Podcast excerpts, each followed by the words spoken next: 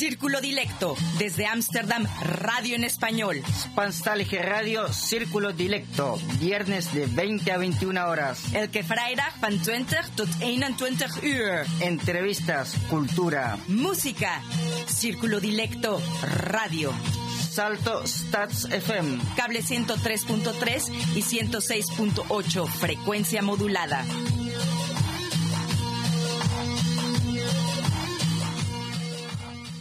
Un saludo de buenas noches a todos nuestros amigos dilectos. Hoy es viernes 30 de octubre. Hemos regresado a su radio hecho en casa. Por ahora no será posible volver a los estudios de Radio Salto, pero donde quiera que nos encontremos, siempre estaremos cumpliendo nuestra cita sagrada con ustedes. Y para hoy tenemos un invitado muy especial, un gran músico, amante del jazz. Él viene de Chile y con quien compartiremos su música y su historia. Pero bueno, esto será en unos instantes. Y saludo a nuestro DJ Rengo Star, quien también se encuentra en casa y por supuesto cuidándose mucho. ¿Cómo estás Rengo? Muy buenas noches. Muy buenas noches Alexa. Esta noche en la locución y conducción Alexa Schulz y quien les habla DJ Rengo Star. Y en la edición tenemos al profesor Pablo Garrido. Cuando nosotros estamos realizando el programa, siempre queremos saber qué está pasando o qué están pensando nuestros oyentes. Por eso, durante la emisión del programa, pueden dejarnos sus comentarios y sugerencias, ya sea en el blog o en nuestra dirección de email, que es d.circulo.gmail.com o nos pueden escribir a nuestra página de Facebook. Allí nos encuentran como círculo d.m. Y claro que también tenemos una cuenta en Twitter y allí estamos como arroba cdilecto recuerdo que nuestro diseñador inmaterial es Rómulo Meléndez. Su opinión es importante para nosotros, así que para sus comentarios y sugerencias pueden escribirnos a d.circulo.gmail.com. Están escuchando Radio Círculo Dilecto. Se encuentra con nosotros Federico Olivares Hurtado. Él es chileno, es músico, es papá, es autodidacta de la guitarra eléctrica, con un recorrido musical enorme, una historia que él mismo nos contará y que llegó a los Países Bajos en 1991 para quedarse. Son 29 años lejos de casa, pues el lugar donde nacimos, donde están nuestras raíces, siempre se verá nuestra casa, Federico. Buenas noches, es un placer tenerte aquí con nosotros en nuestro programa. Buenas noches, Alexa un placer estar acá para poder compartir un poco de mis experiencias musicales. Maravilloso. Nosotros vamos a tenerles adelanto una música que no habíamos tenido antes aquí en Círculo Dilecto, pero esta será nuestra sorpresa que les tenemos para hoy. ¿Qué dices si comenzamos, Federico? Me parece súper. Bueno, entonces nos vamos con Víctor Jara y Charagua.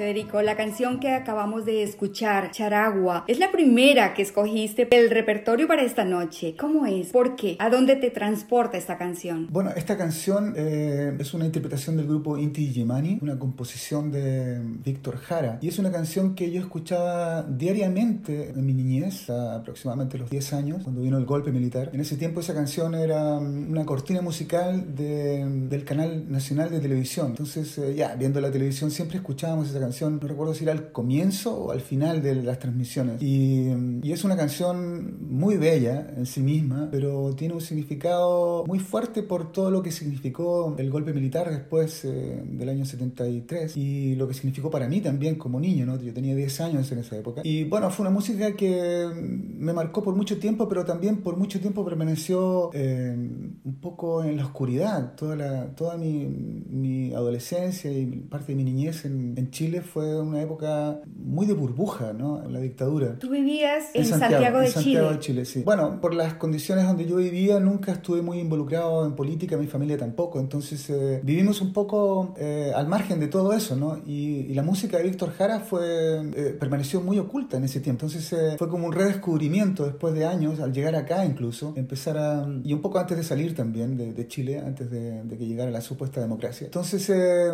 es una canción que la verdad la tengo muy en el subconsciente y me marcó, me marcó eh, en, esa, en esa infancia que tu, tuve, ¿no? que también sí. está muy relacionada con, con, la vida familiar, con mi padre. Mi padre murió también cuando yo tenía 8 años, entonces todo está muy, muy conectado con, con, con mi infancia y, y, esas melodías como que se quedan en tu, en tu alma. Se quedan para siempre. Claro. Yo creo que no hay un chileno que no sienta estas canciones, que no las lleve en el alma, que no las viva y más cuando se está lejos del país. Sí, fíjate que sí. Bueno, yo tanta nostalgia con Chile eh, en sí mismo no tengo, fíjate, porque eh, fui perdiendo un poco eh, ese, ese amor por ese Chile que yo dejé, que de alguna forma también lo dejé por algo, ¿sabes? No, yo no estaba muy, muy feliz en Chile cuando vivía allá. prácticamente salí un año antes de que llegara la democracia, entonces fue toda una época muy complicada en términos de apertura mental, ¿sabes? Cultural. Yo la verdad me siento un, un exiliado cultural. yo salí de, de, de Chile de esa época oscura para poder eh, aprender un poco de todo esto. ¿no? Eso, eso, significa, Federico, que cuando tú eras adolescente, estabas en el bachillerato, tú ya pensabas en salir de Chile. Sí, la verdad que sí. Yo tenía muchas ganas de conocer el mundo. Tenía muchas ganas de... Siempre andaba eh, eh, escuchando historias de gente que viajaba, de músicos que se habían ido. Eh, y por otro lado también, yo decía, bueno, aquí está lleno de chilenas solamente. Entonces yo quiero conocer otras mujeres también, ¿no? Entonces, bueno, un poco toda esa, esa idea de, de conocer, de, de, ampliar tus fronteras eh, y de salir de, de, lo que estaba, ¿no? Que era una situación de confort en alguna medida, pero también de mucha oscuridad cultural. Eh. Pero mira que hay algo que me llama la atención. Hemos hablado de tu infancia, yeah. hemos hablado de tu adolescencia y siempre has dicho músico, músico, músicos. ¿Siempre quisiste ser músico? ¿O hubo un momento donde dijiste, mmm, quiero ser, no sé, abogado, médico, arquitecto? No, bueno, eh, la música entró en mi vida a partir de los 15 años más o menos, muy sutilmente. Ya tipo 17, 18 estaba tomándolo un poquito más en serio, pero nunca fue una alternativa, ¿no? Ser músico, olvídate, tú tienes que tener un diploma, sacar un, un, un cartón, como decía mi mamá. ¿no? Sí, en esa época ser músico, ser artista, era ser nadie. Sí, bueno, ser artista era relativo, porque yo siempre tuve mucha facilidad para la cosa plástica, el dibujo y todo eso, la pintura. Entonces, eh, a raíz de eso, traté de buscar algo que fuera más en, en, mis aptitudes, ¿no? Y dije, bueno, voy a estudiar algo más práctico y me fui a estudiar arquitectura pensando en... En, en, en el futuro. En el futuro, en algo más sólido, más estable. Y, sí. Pero mientras estudiaba ese primer año, eh, la música estaba dando vuelta en mi cabeza, muy fuerte, la guitarra y todo. Y yo dije, no, dije yo, no, no. ¿Cuántos no, años no. tenías? Tenía 19 años. Estabas re joven. ¿Cómo claro. dicen en Chile? ¿Pololo? No, pololo es otra cosa. Eh. no, no, el pololo es el novio. Ah, en Chile, okay. no, no sé, no sé cómo era.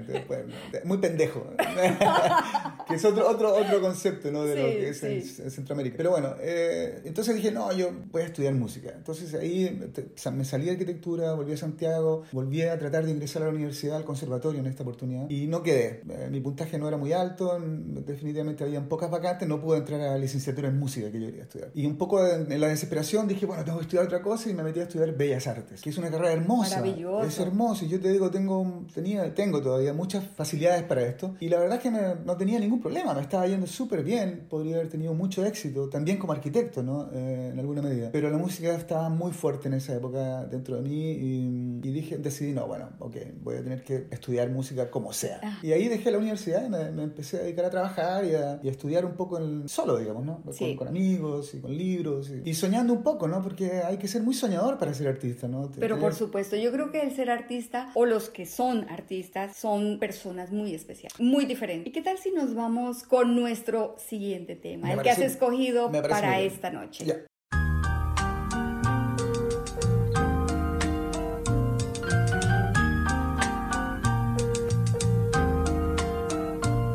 Esta tarde vi llover, vi gente correr y no estabas tú. La otra noche vi brillar un lucero azul y no estabas tú. La otra tarde vi que un ave enamorada daba besos a su amor, ilusionada, y no estabas. Esta tarde vi llover, vi gente correr, y no estabas tú. El otoño vi llegar, al mar oí cantar, y no estabas tú. Yo no sé cuánto me quieres, si me extrañas o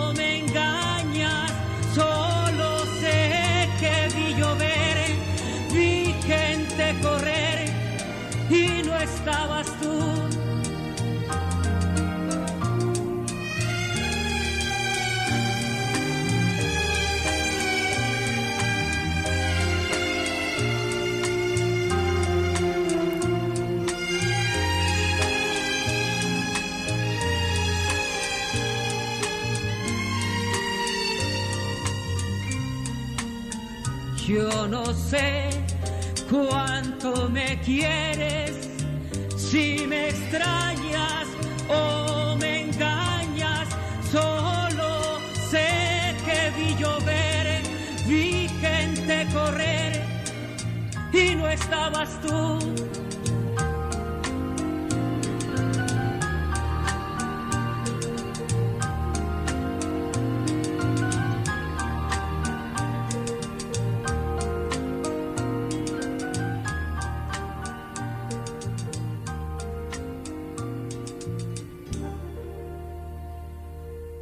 Bueno, y de Víctor Jara nos vamos para Armando Manzanero. Esta tarde vi llover. Es un cambio así de, ¿cómo se dice? ¿Cuántos grados? 180 grados.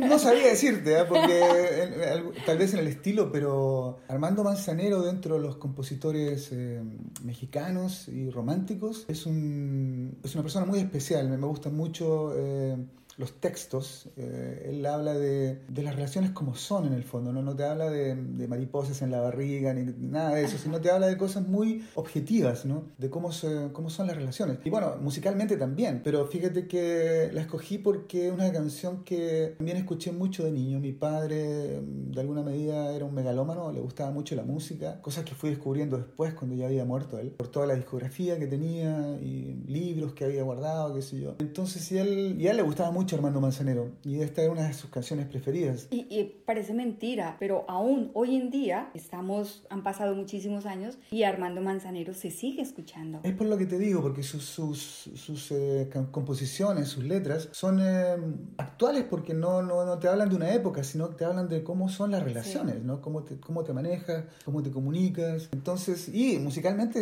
él es un tipo muy, muy especial, ¿no? Eh, entonces, eh, por otro lado, mi madre siempre me, me dijo cuando yo me venía a Europa, me, apréndase boleros, me decían, apréndase los boleros. Y yo, mamá, boleros, pero ¿qué boleros? Y yo, yo estaba escuchando rock, estaba escuchando jazz, quería otra cosa. ¿Qué boleros?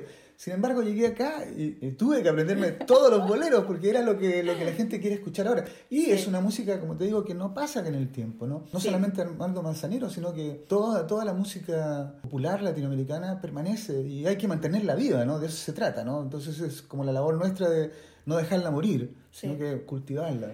¿Tú crees que, que cuando llegas a otro país como, bueno, nos vas a contar porque has estado en varios países, pero ahora estamos hablando aquí de los Países Bajos, los latinos que estamos sentimos siempre esa eterna nostalgia a raíz de lo que dices, ¿cuál quieren, qué canción quieren que interprete o toque, no sé, la forma correcta? Armando Manzanero, Víctor Jara, siempre, aunque sea gente joven, siempre pedimos canciones de hace muchos años. Sí, yo creo que tiene que ver un poco con la experiencia mía también, ¿ah? porque eh, nosotros eh, crecimos escuchando la música de nuestros papás, de nuestros abuelos, en la radio, entonces todas esas melodías están en nosotros, no, no se pierden. Sí, y, te, y te traen muchas, eh, muchos recuerdos, ¿no? Eh, olores, cuando escuchas una canción, de repente te acuerdas de, de la mamá cocinando tal vez, eh, y aquellas comidas que te gustaban, todas esas cosas que te hacen ser lo que eres en el fondo, ¿no? Sí. Las experiencias que has tenido es lo que te transforman en lo que eres hoy. Entonces, eh, uno, mm, yo creo que no deja de, de- de lado esas melodías y la gente siempre quiere un poco volver a eso, ¿no? Volver al, al nido, de alguna medida, ¿no?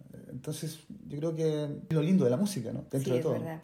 Yo creo que es una lástima que cuando hacemos radio no se puedan ver las expresiones de los, de los invitados, porque yo veo en tu cara, en tus ojos, no sé, como, como ese, ese deseo, esa maravilla que sientes por la música, por los recuerdos. Es muy bonito. La vives cuando hablas también. Sí, sí, eh, tal vez tiene un poco que ver con esa cosa un poco histriónica, eh, artística, ¿no? De, de- de- de que uno siempre está un poco... No, no, no, no se trata de que está uno haciendo una performance, pero es, es como que tratas de, de expresar de todas las, con todos los medios que tengas, Sí. ¿sabes? No solamente con la voz, no solamente con, con las manos, sino con, con todo y con los ojos sobre Con todo. los ¿no? ojos, los ojos. No, no, los ojos son, son muy Te delataron. importantes. No, no, no, pero yo te digo, yo en los ojos, todo.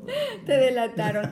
¿Te arrepentiste alguna vez de no haber estudiado o terminado arquitectura? O sea, lo he pensado, me, me hubiera gustado, porque yo pienso que tenemos la capacidad de poder desarrollarnos en muchos ámbitos, ¿no? Pero lamentablemente la vida es, eh, no, no es tan larga como quisiéramos y, y las circunstancias también, ¿no? Yo, mm, si hubiera tenido tal vez más medios económicos, podría haberlo hecho tal vez paralelamente, pero tenía que escoger. Sí. Y, y si bien no me arrepiento de, lo- de- de los caminos que tomé, bueno, me hubiera gustado haber, haber profundizado en eso y también en la cosa de las bellas artes, ¿no? Me- pero bueno, no, no puedes... La música es un- una disciplina que te requiere mucha, mucho tiempo.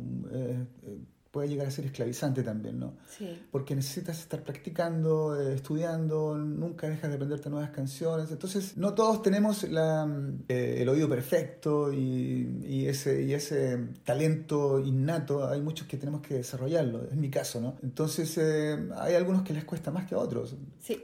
Entonces, eh, bueno, hay que escoger. Y yo, la verdad, creo que, no, estoy seguro, ¿no? Y tomé el camino correcto porque la verdad es que me siento muy feliz de poder estar, eh, de poder trabajar con, con tu pasión. Es algo muy lindo. Cuando decidiste, bueno, no, no voy a estudiar, decidiste ser músico, estuviste también con Bellas Artes, eh, estudiando Bellas Artes. Tu mamá, tu mamá dijo, ay, Federico, ¿qué hiciste? O dijeron, sigue, esa es tu vocación. Eh, sí, yo pienso que había un poco de decepción, ¿no? Porque ella siempre, mm, yo desde muy niño, eh, ella quería que nosotros llegáramos a la universidad. Y que, ¿Cuántos son ustedes, perdón? Somos tres, Ah, tres hermanos. ok. Yo soy el del medio. Y, y en un momento determinado estuvimos los, los dos mayores, que éramos los que estábamos en la universidad estudiando y tal, y, y eventualmente los dos dejamos la- las carreras por diferentes razones. Entonces fue un poco un sueño que ella no pudo cumplir. Ella siempre quería que yo fuera médico. No, Sí, la típica mamá, ¿no? Sí.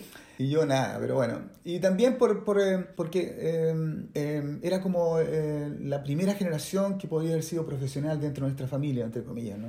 Que es lo que sucedió después con toda esta cosa de los negocios en la educación en Chile ahora. Pero en ese tiempo todavía era como un objetivo, ¿no? De que tus hijos fueran profesionales, que tuvieran su diploma para... Entonces fue una decepción para mi mamá en un momento determinado, pero, pero al mismo tiempo ella aceptó, ella aceptó y, y ella me amaba y sabía que yo estaba feliz con lo que estaba tratando de hacer, a pesar pesar de las dificultades. Y si bien no pudo apoyarme como ella hubiera querido, lo hizo. Entonces está todo bien, ¿no? Mi mamá es feliz con... Siento que, que yo sea feliz, ella es feliz. Eso es muy cierto. Y lo digo yo que también soy mamá. Y ¿Lo viste? que él haya- lo que él escoja Exacto. me hace feliz. Yo como papá siento lo mismo. Cierto. Sí, tiene que ser así. ¿Cuántos hijos tienes? Tengo dos. Qué Un lindo. hijo de 18 años y el otro más chiquito de 12. Ay, Con- ay, ya te dicen suegro. Sí, no, no, todavía no, todavía no, todavía no. No, pero no, y todavía falta mucho. Julián ahí está batallando con sus cosas, pero bien. Pero bien, Sí, claro, bien, los bien. hijos son una bendición.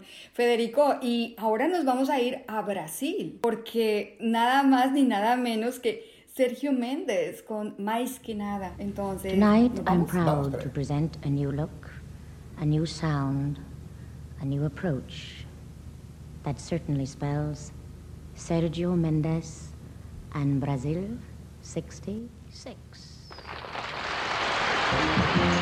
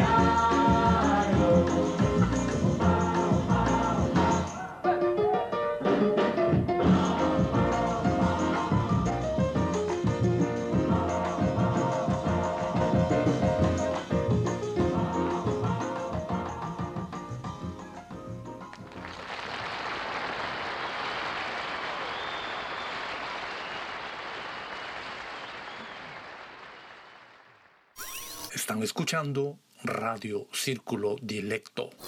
Bueno, con Sergio Méndez nos fuimos para Brasil. Increíble. O sea, sales de Chile, de tu Santiago de Chile. ¿Cuántos años tenías cuando te fuiste para Brasil? No, ya no estaba tan joven, fíjate, tenía 27 años, 26, algo así, Ay, 26 sí, años. estabas joven. Bueno, todavía. más o menos. La verdad es que yo quería salir antes de Chile, pero tuve, tuve que retrasar un poco mi viaje por eh, circunstancias familiares. Sí. Pero de otra forma tal vez hubiera salido un par de años antes. Entonces, háblanos de Brasil. ¿Por Bueno, qué te, vas para Brasil? Sí, te hablo un poco primero de más que nada, porque también tiene que ver con la relación, por qué escogí esta canción. No, Sí. no por Brasil eh, específicamente, sino porque en mi casa se escuchaba mucha música y dentro de ellos había mm, un par de álbums de, de Sergio Méndez, Brasil 66, recuerdo, y se escuchaba mucho la música de ellos, ¿no? Entonces, eh, más que nada, eh, también es una melodía que quedó también en mi cabeza y, y si bien es cierto, antes de viajar a Brasil, yo estuve estudiando algunas piezas de bossa nova y todo eso en en, mis pequeños estudios de jazz. No volvía, no toqué ese tema hasta llegar acá, fíjate. Pasé por Brasil, estuve mm, viviendo casi dos años eh, allá. eh, aprendí mucha música brasilera allá. Toqué un poco, no mucho. eh, la verdad que la situación cuando llegué allá estaba muy complicada económicamente. Entonces tuve que trabajar, eh, buscarme la vida un poco en, en otras cosas. Pero pude mm, un poco empaparme de la música, porque es un Brasil un país muy musical y, y pude ver a muchos eh, artistas, músicos allá.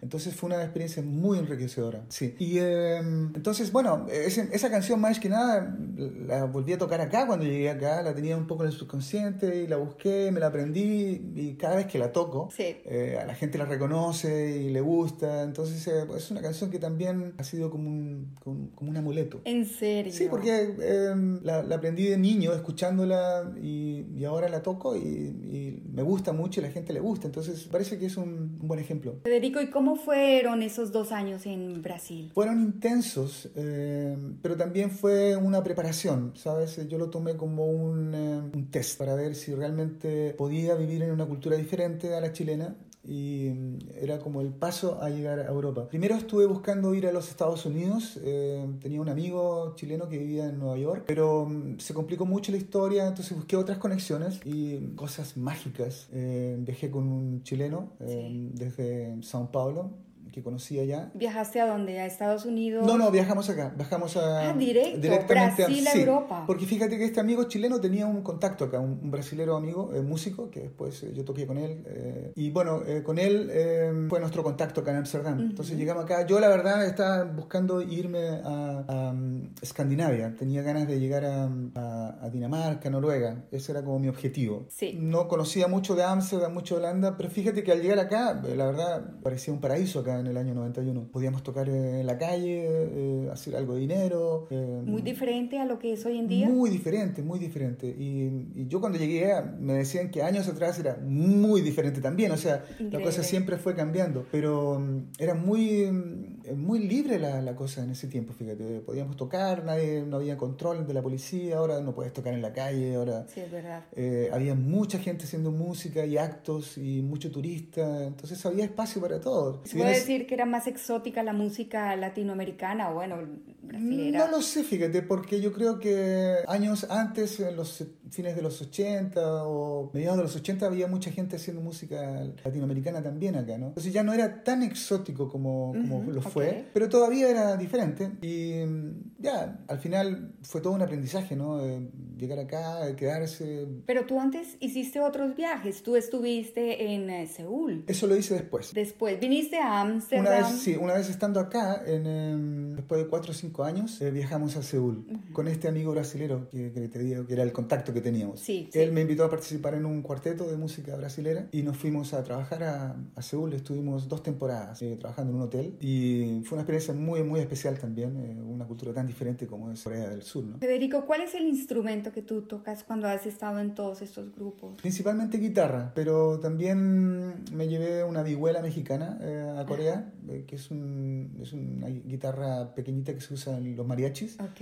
Es una guitarra rítmica, pero yo la, la adapté un poco y la empecé a usar como requinto, entonces la utilizaba como un requinto en su época. Y, eh, y eso fue lo que usé cuando fui allá. Pero ahora eh, estoy tocando mu- música mexicana tradicional también, entonces ahí toco otras guitarras que son unas jaranas y unos requintos. Y, Sí. entonces, eh, un- hago- pero todo lo que es cuerdas, guitarra más que nada. De Seúl regresas a Holanda Sí, o no. a Países Bajos, ¿no? Sí. Como ahora. Tocas, eh, cuesta trabajo sacarse la- el Holanda ahora y decir Países Bajos, Sí, ¿no? sí, fíjate que ya estuvimos allá eh, cuatro meses la primera vez y regresamos, eh, continué mi vida acá trabajando como músico. La verdad que pude dedicarme más a la música después del primer viaje a Corea. Eh, tenía condiciones económicas, financieras para poder dedicarme. Entonces me dediqué mucho en ese tiempo a escribir eh, música, eh, arreglos eh, y, a, y a organizar eh, proyectos, mi propia banda y todo eso. Y, eh, y eh, un año más tarde volvimos a Corea. Ahí estuvimos seis meses otra vez trabajando allá. Y al volver acá ya volví, mm, antes de irme me casé acá. ¿Te enamoraste de una holandesa? No, no, me enamoré de una argentina. Qué tuvimos bien. una relación por aproximadamente unos siete años. Eh, nos casamos, a través del matrimonio pude legalizarme porque había estado mucho tiempo ilegal acá en Holanda. Y eh, me fui a Corea, volví, bueno, y al par de años Fernanda se embarazó, tuvimos a nuestro hijo que es eh, Julián. Sí. Y eh, desafortunadamente al par de años tuvimos que separarnos, no pudimos continuar juntos, pero bueno, hasta ahora llevamos una relación muy armoniosa y, y tenemos a nuestro hijo que, que es lo que nos une. Pero mm, ya. ¿Y también eh, con pasos eh, para ser músico? ¿O- Eh, Julián, no, fíjate, él está más en lo que es la gráfica. Ya Ah, sacó ok. esa otra parte artística mía Sí. también, los genes. eh, entonces está en lo que es animación, está estudiando eso ahora y está muy involucrado. Le gusta mucho la música, pero no se ha dedicado. Yo he tratado de empujarlo un poquito, pero no se puede. Tiene, tiene que nacer de ti, ¿no? Y si tu, bueno, tu hijo mayor se dedicó a las gráficas, que hoy en día es maravilloso porque todo se mueve eh, Visualmente. visualmente. Y si tu segundo hijo dice, quiero ser músico, tú dices, sí, vamos, te apoyo. Bueno, mi segundo hijo está muy en la música. Él, Ah. eh, él está estudiando batería, eh, es Sí. muy musical. Sí. Eh, él de repente agarra la guitarra, el bajo y toca un poco y tal. Pero él ya lleva mm, varios años estudiando eh, batería, eh, percusión. Y tiene una mamá, que es mi, mi mujer actual, alemana, y ella es... eh, también fue, en su tiempo fue músico, ella tocaba saxofón, pero entonces ella le está dando todas las herramientas a Ramiro para que se transforme en un músico y, y fíjate que Ramiro es un- tiene mucho talento y yo feliz que él sea músico. No, pero tiene de dónde? Con- Sí, de bueno, mamá, y del papá. Sí, sí. No, entonces eh, yo feliz, feliz que él pueda dedicarse, aunque no lo haga profesionalmente, es una, una actividad que lo va a enriquecer. Claro que sí. Bueno, yo creo que vamos a comenzar con una música muy especial y vamos a entrar en un tema que es totalmente diferente a lo que cualquier persona se puede imaginar, porque si uno trae invitado músico chileno, colombiano, mexicano, uno dice música latinoamericana. Pero no, les tenemos una sorpresa. Ya regresamos.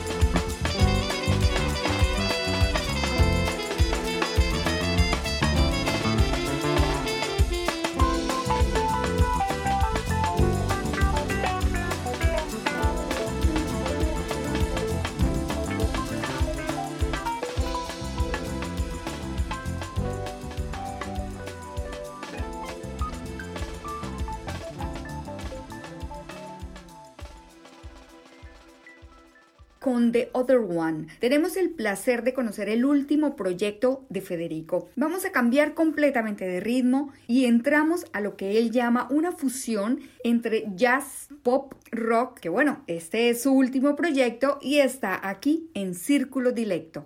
Federico, aquí entramos a un estilo totalmente diferente. Y por lo que hemos escuchado, es el ritmo, se puede llamar así ritmo, el que siempre has llevado. Has interpretado mariachis, boleros, una música tradicional, música colombiana, pero siempre llevabas en ti el jazz. Háblanos de esta parte de ti. Bueno, eso tiene que ver con, eh, con el objetivo de haberme transformado en un músico. Eh, la composición ha sido siempre uno de, de los caminos donde yo siempre quise seguir. Eh, lamentablemente, pues, durante un tiempo, unos buenos años, eh, estando acá, después de haber estado eh, trabajando con mi música, la tuve que dejar de lado por cosas prácticas. la verdad, tomó mucho trabajo poder estar haciendo tu música, poder producirla, poder hacerla llegar a otra gente. Entonces, por un lado, estuve un poco desistiendo de todo esto, dejé de soñar, de esos sueños que uno tiene como músico. Y ahora, en este último año, lo retomé principalmente por estar participando ya con un grupo de músicos eh, muy talentosos. Y, em, y, con ellos, Alejandro Carvajal en bajo desde Uruguay, eh, Marco Toro en, en, percusión desde Venezuela. Eh, empezamos a producir esto y la verdad que el resultado ha sido sorprendente, yo estoy muy contento con lo que hemos logrado y em, otra vez estoy soñando, soñando con volver a crear y un poco tratando de, de, llegar a otro tipo de público, ¿no? ya no, no estoy pensando en la gente latina, sino que estoy tratando de, de llegar a un público más global y por eso estoy tratando de, de, hacer esta música que es un poco pop, jazz, rock, un poco fusión. La verdad que es una fusión y tiene mucho de latino también dentro de todo, a pesar de que suena diferente. Digamos. Bueno, son composiciones tuyas que vamos a escuchar ahora en el programa. Eh, háblanos de Abril, de Piel, de Un Nuevo Amanecer. ¿Son composiciones tuyas? Sí, son todas eh, composiciones... Eh, y la que acabamos de escuchar, The Other One. Exacto. Todo esto es parte de un proyecto que estoy realizando. Espero finalizarlo este año y darle vida, eh, digamos, eh, vida, eh, vida ya tienen las canciones porque están grabadas, pero sí. quiero tocarlos en vivo, quiero hacer una presentación y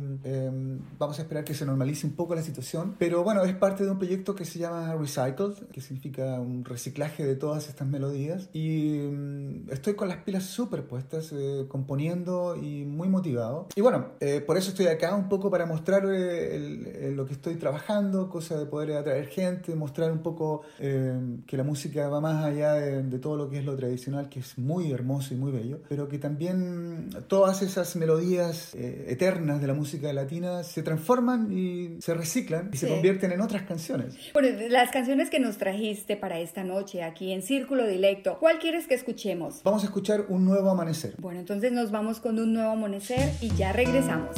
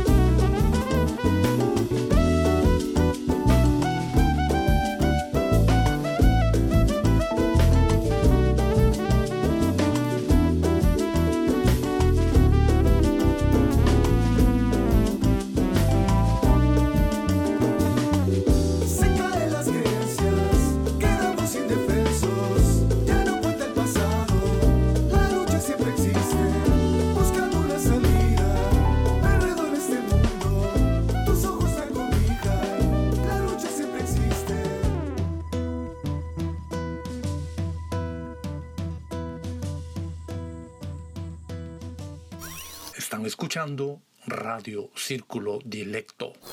En el mes de octubre sorteamos el libro Don Julián de Juan Goitisolo. Lo único que debe hacer para participar en el sorteo es escribirnos a d.circulo.gmail.com antes del 29 de octubre del 2020. Bueno, acabamos de escuchar Un Nuevo Amanecer, una composición tuya. De- Sí. ¿cómo- ¿Por qué? ¿De dónde? Bueno, eh, la verdad es que dentro de esta producción que estoy eh, preparando, tengo dos canciones, y son canciones donde canto. La verdad, principalmente la música que estoy produciendo es instrumental, pero mm, sentí la necesidad de, de expresar un poco algunas ideas. Y esta es una canción de amor, de amor en tiempos de incertidumbre, le llamo yo. Y tiene que ver un poco con, eh, con lo que he vivido en estos últimos 20 años, viendo cómo se caen todas las instituciones, las creencias. Y bueno, a partir de ello, la- el sentimiento de, de sentirse un poco perdido y a través de esa, de esa, un poco a la deriva de la vida, encontrarse con una alma que te puede llenar eh, todos esos vacíos y te puede dar eh, ternura y te puede hacer soñar en, en un nuevo amanecer juntos. Eso. Pero es hermosa. Sí, la verdad que estoy contento con la canción, me gustó, a pesar de que es una canción muy rara, porque tiene una rítmica un poco trabada, Sí. pero eso la hace especial en, en alguna medida. Y, y bueno, es parte de, de este proyecto que tiene mezcla un poco de lo que es música pop, un poco de rock, un poco de jazz y un poco de latín. Tú nos habías contado que este es un proyecto que están realizando, pero que ya las canciones están hechas. Tienes CD, van a hacer un lanzamiento, obvio. Este te, ahora nos han vuelto a encerrar. De nuevo viene esta crisis, pero no van a ser, no son eternas. Y esperamos que esta vez sean más corto este encierro. ¿Qué viene para tu música? ¿Tienes un CD? ¿Tienes algún concierto? ¿O están preparando un concierto? Mira, eh, por el momento conciertos, eh, con- por las mismas circunstancias, no, no estoy preparando nada por ahora, porque todavía estoy terminando de producir eh, este álbum que voy a sacar en CD físico, digamos, en material. En estos momentos la música está disponible en un portal que se llama Bandcamp Ok. y ahí tú puedes escucharla, puedes comprarla, bajarla si quieres. Y está apareciendo eh, en Spotify, en Facebook, en YouTube, eh, en algunas,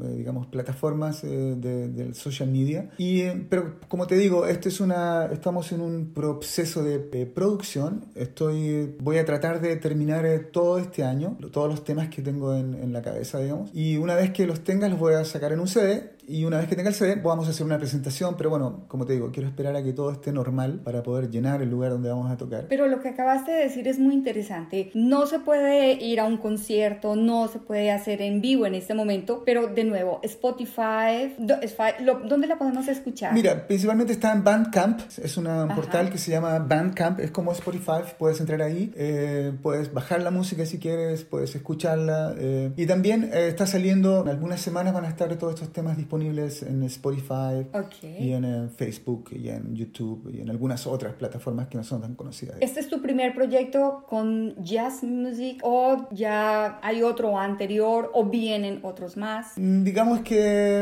este es, eh, es el primer proyecto serio. Ya había, eh, había hecho algunas grabaciones eh, con temas de jazz fusión y eh, una producción de rock que estuvimos haciendo rock progresivo, donde habría algunas canciones de este, de este nuevo álbum. Pero principalmente esta es la producción de verdad, por decirlo así, ¿no?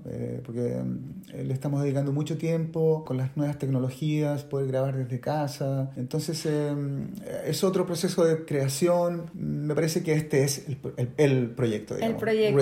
Sí. Pues para mí es un honor, un placer que sea en Círculo Directo donde podamos escuchar tu música. Y bueno, nosotros vamos a tener en el blog toda la información donde te pueden escuchar, donde te pueden encontrar. Si quieren hacer preguntas, bueno, en nuestro blog vamos a dejar toda la información. Perfecto, me parece súper bien. Esa es la idea. Y si nos vamos con otra canción. Dale, ¿Cuál? vamos, vamos a escuchar eh, Piel. Piel. Entonces los dejamos con piel. Piel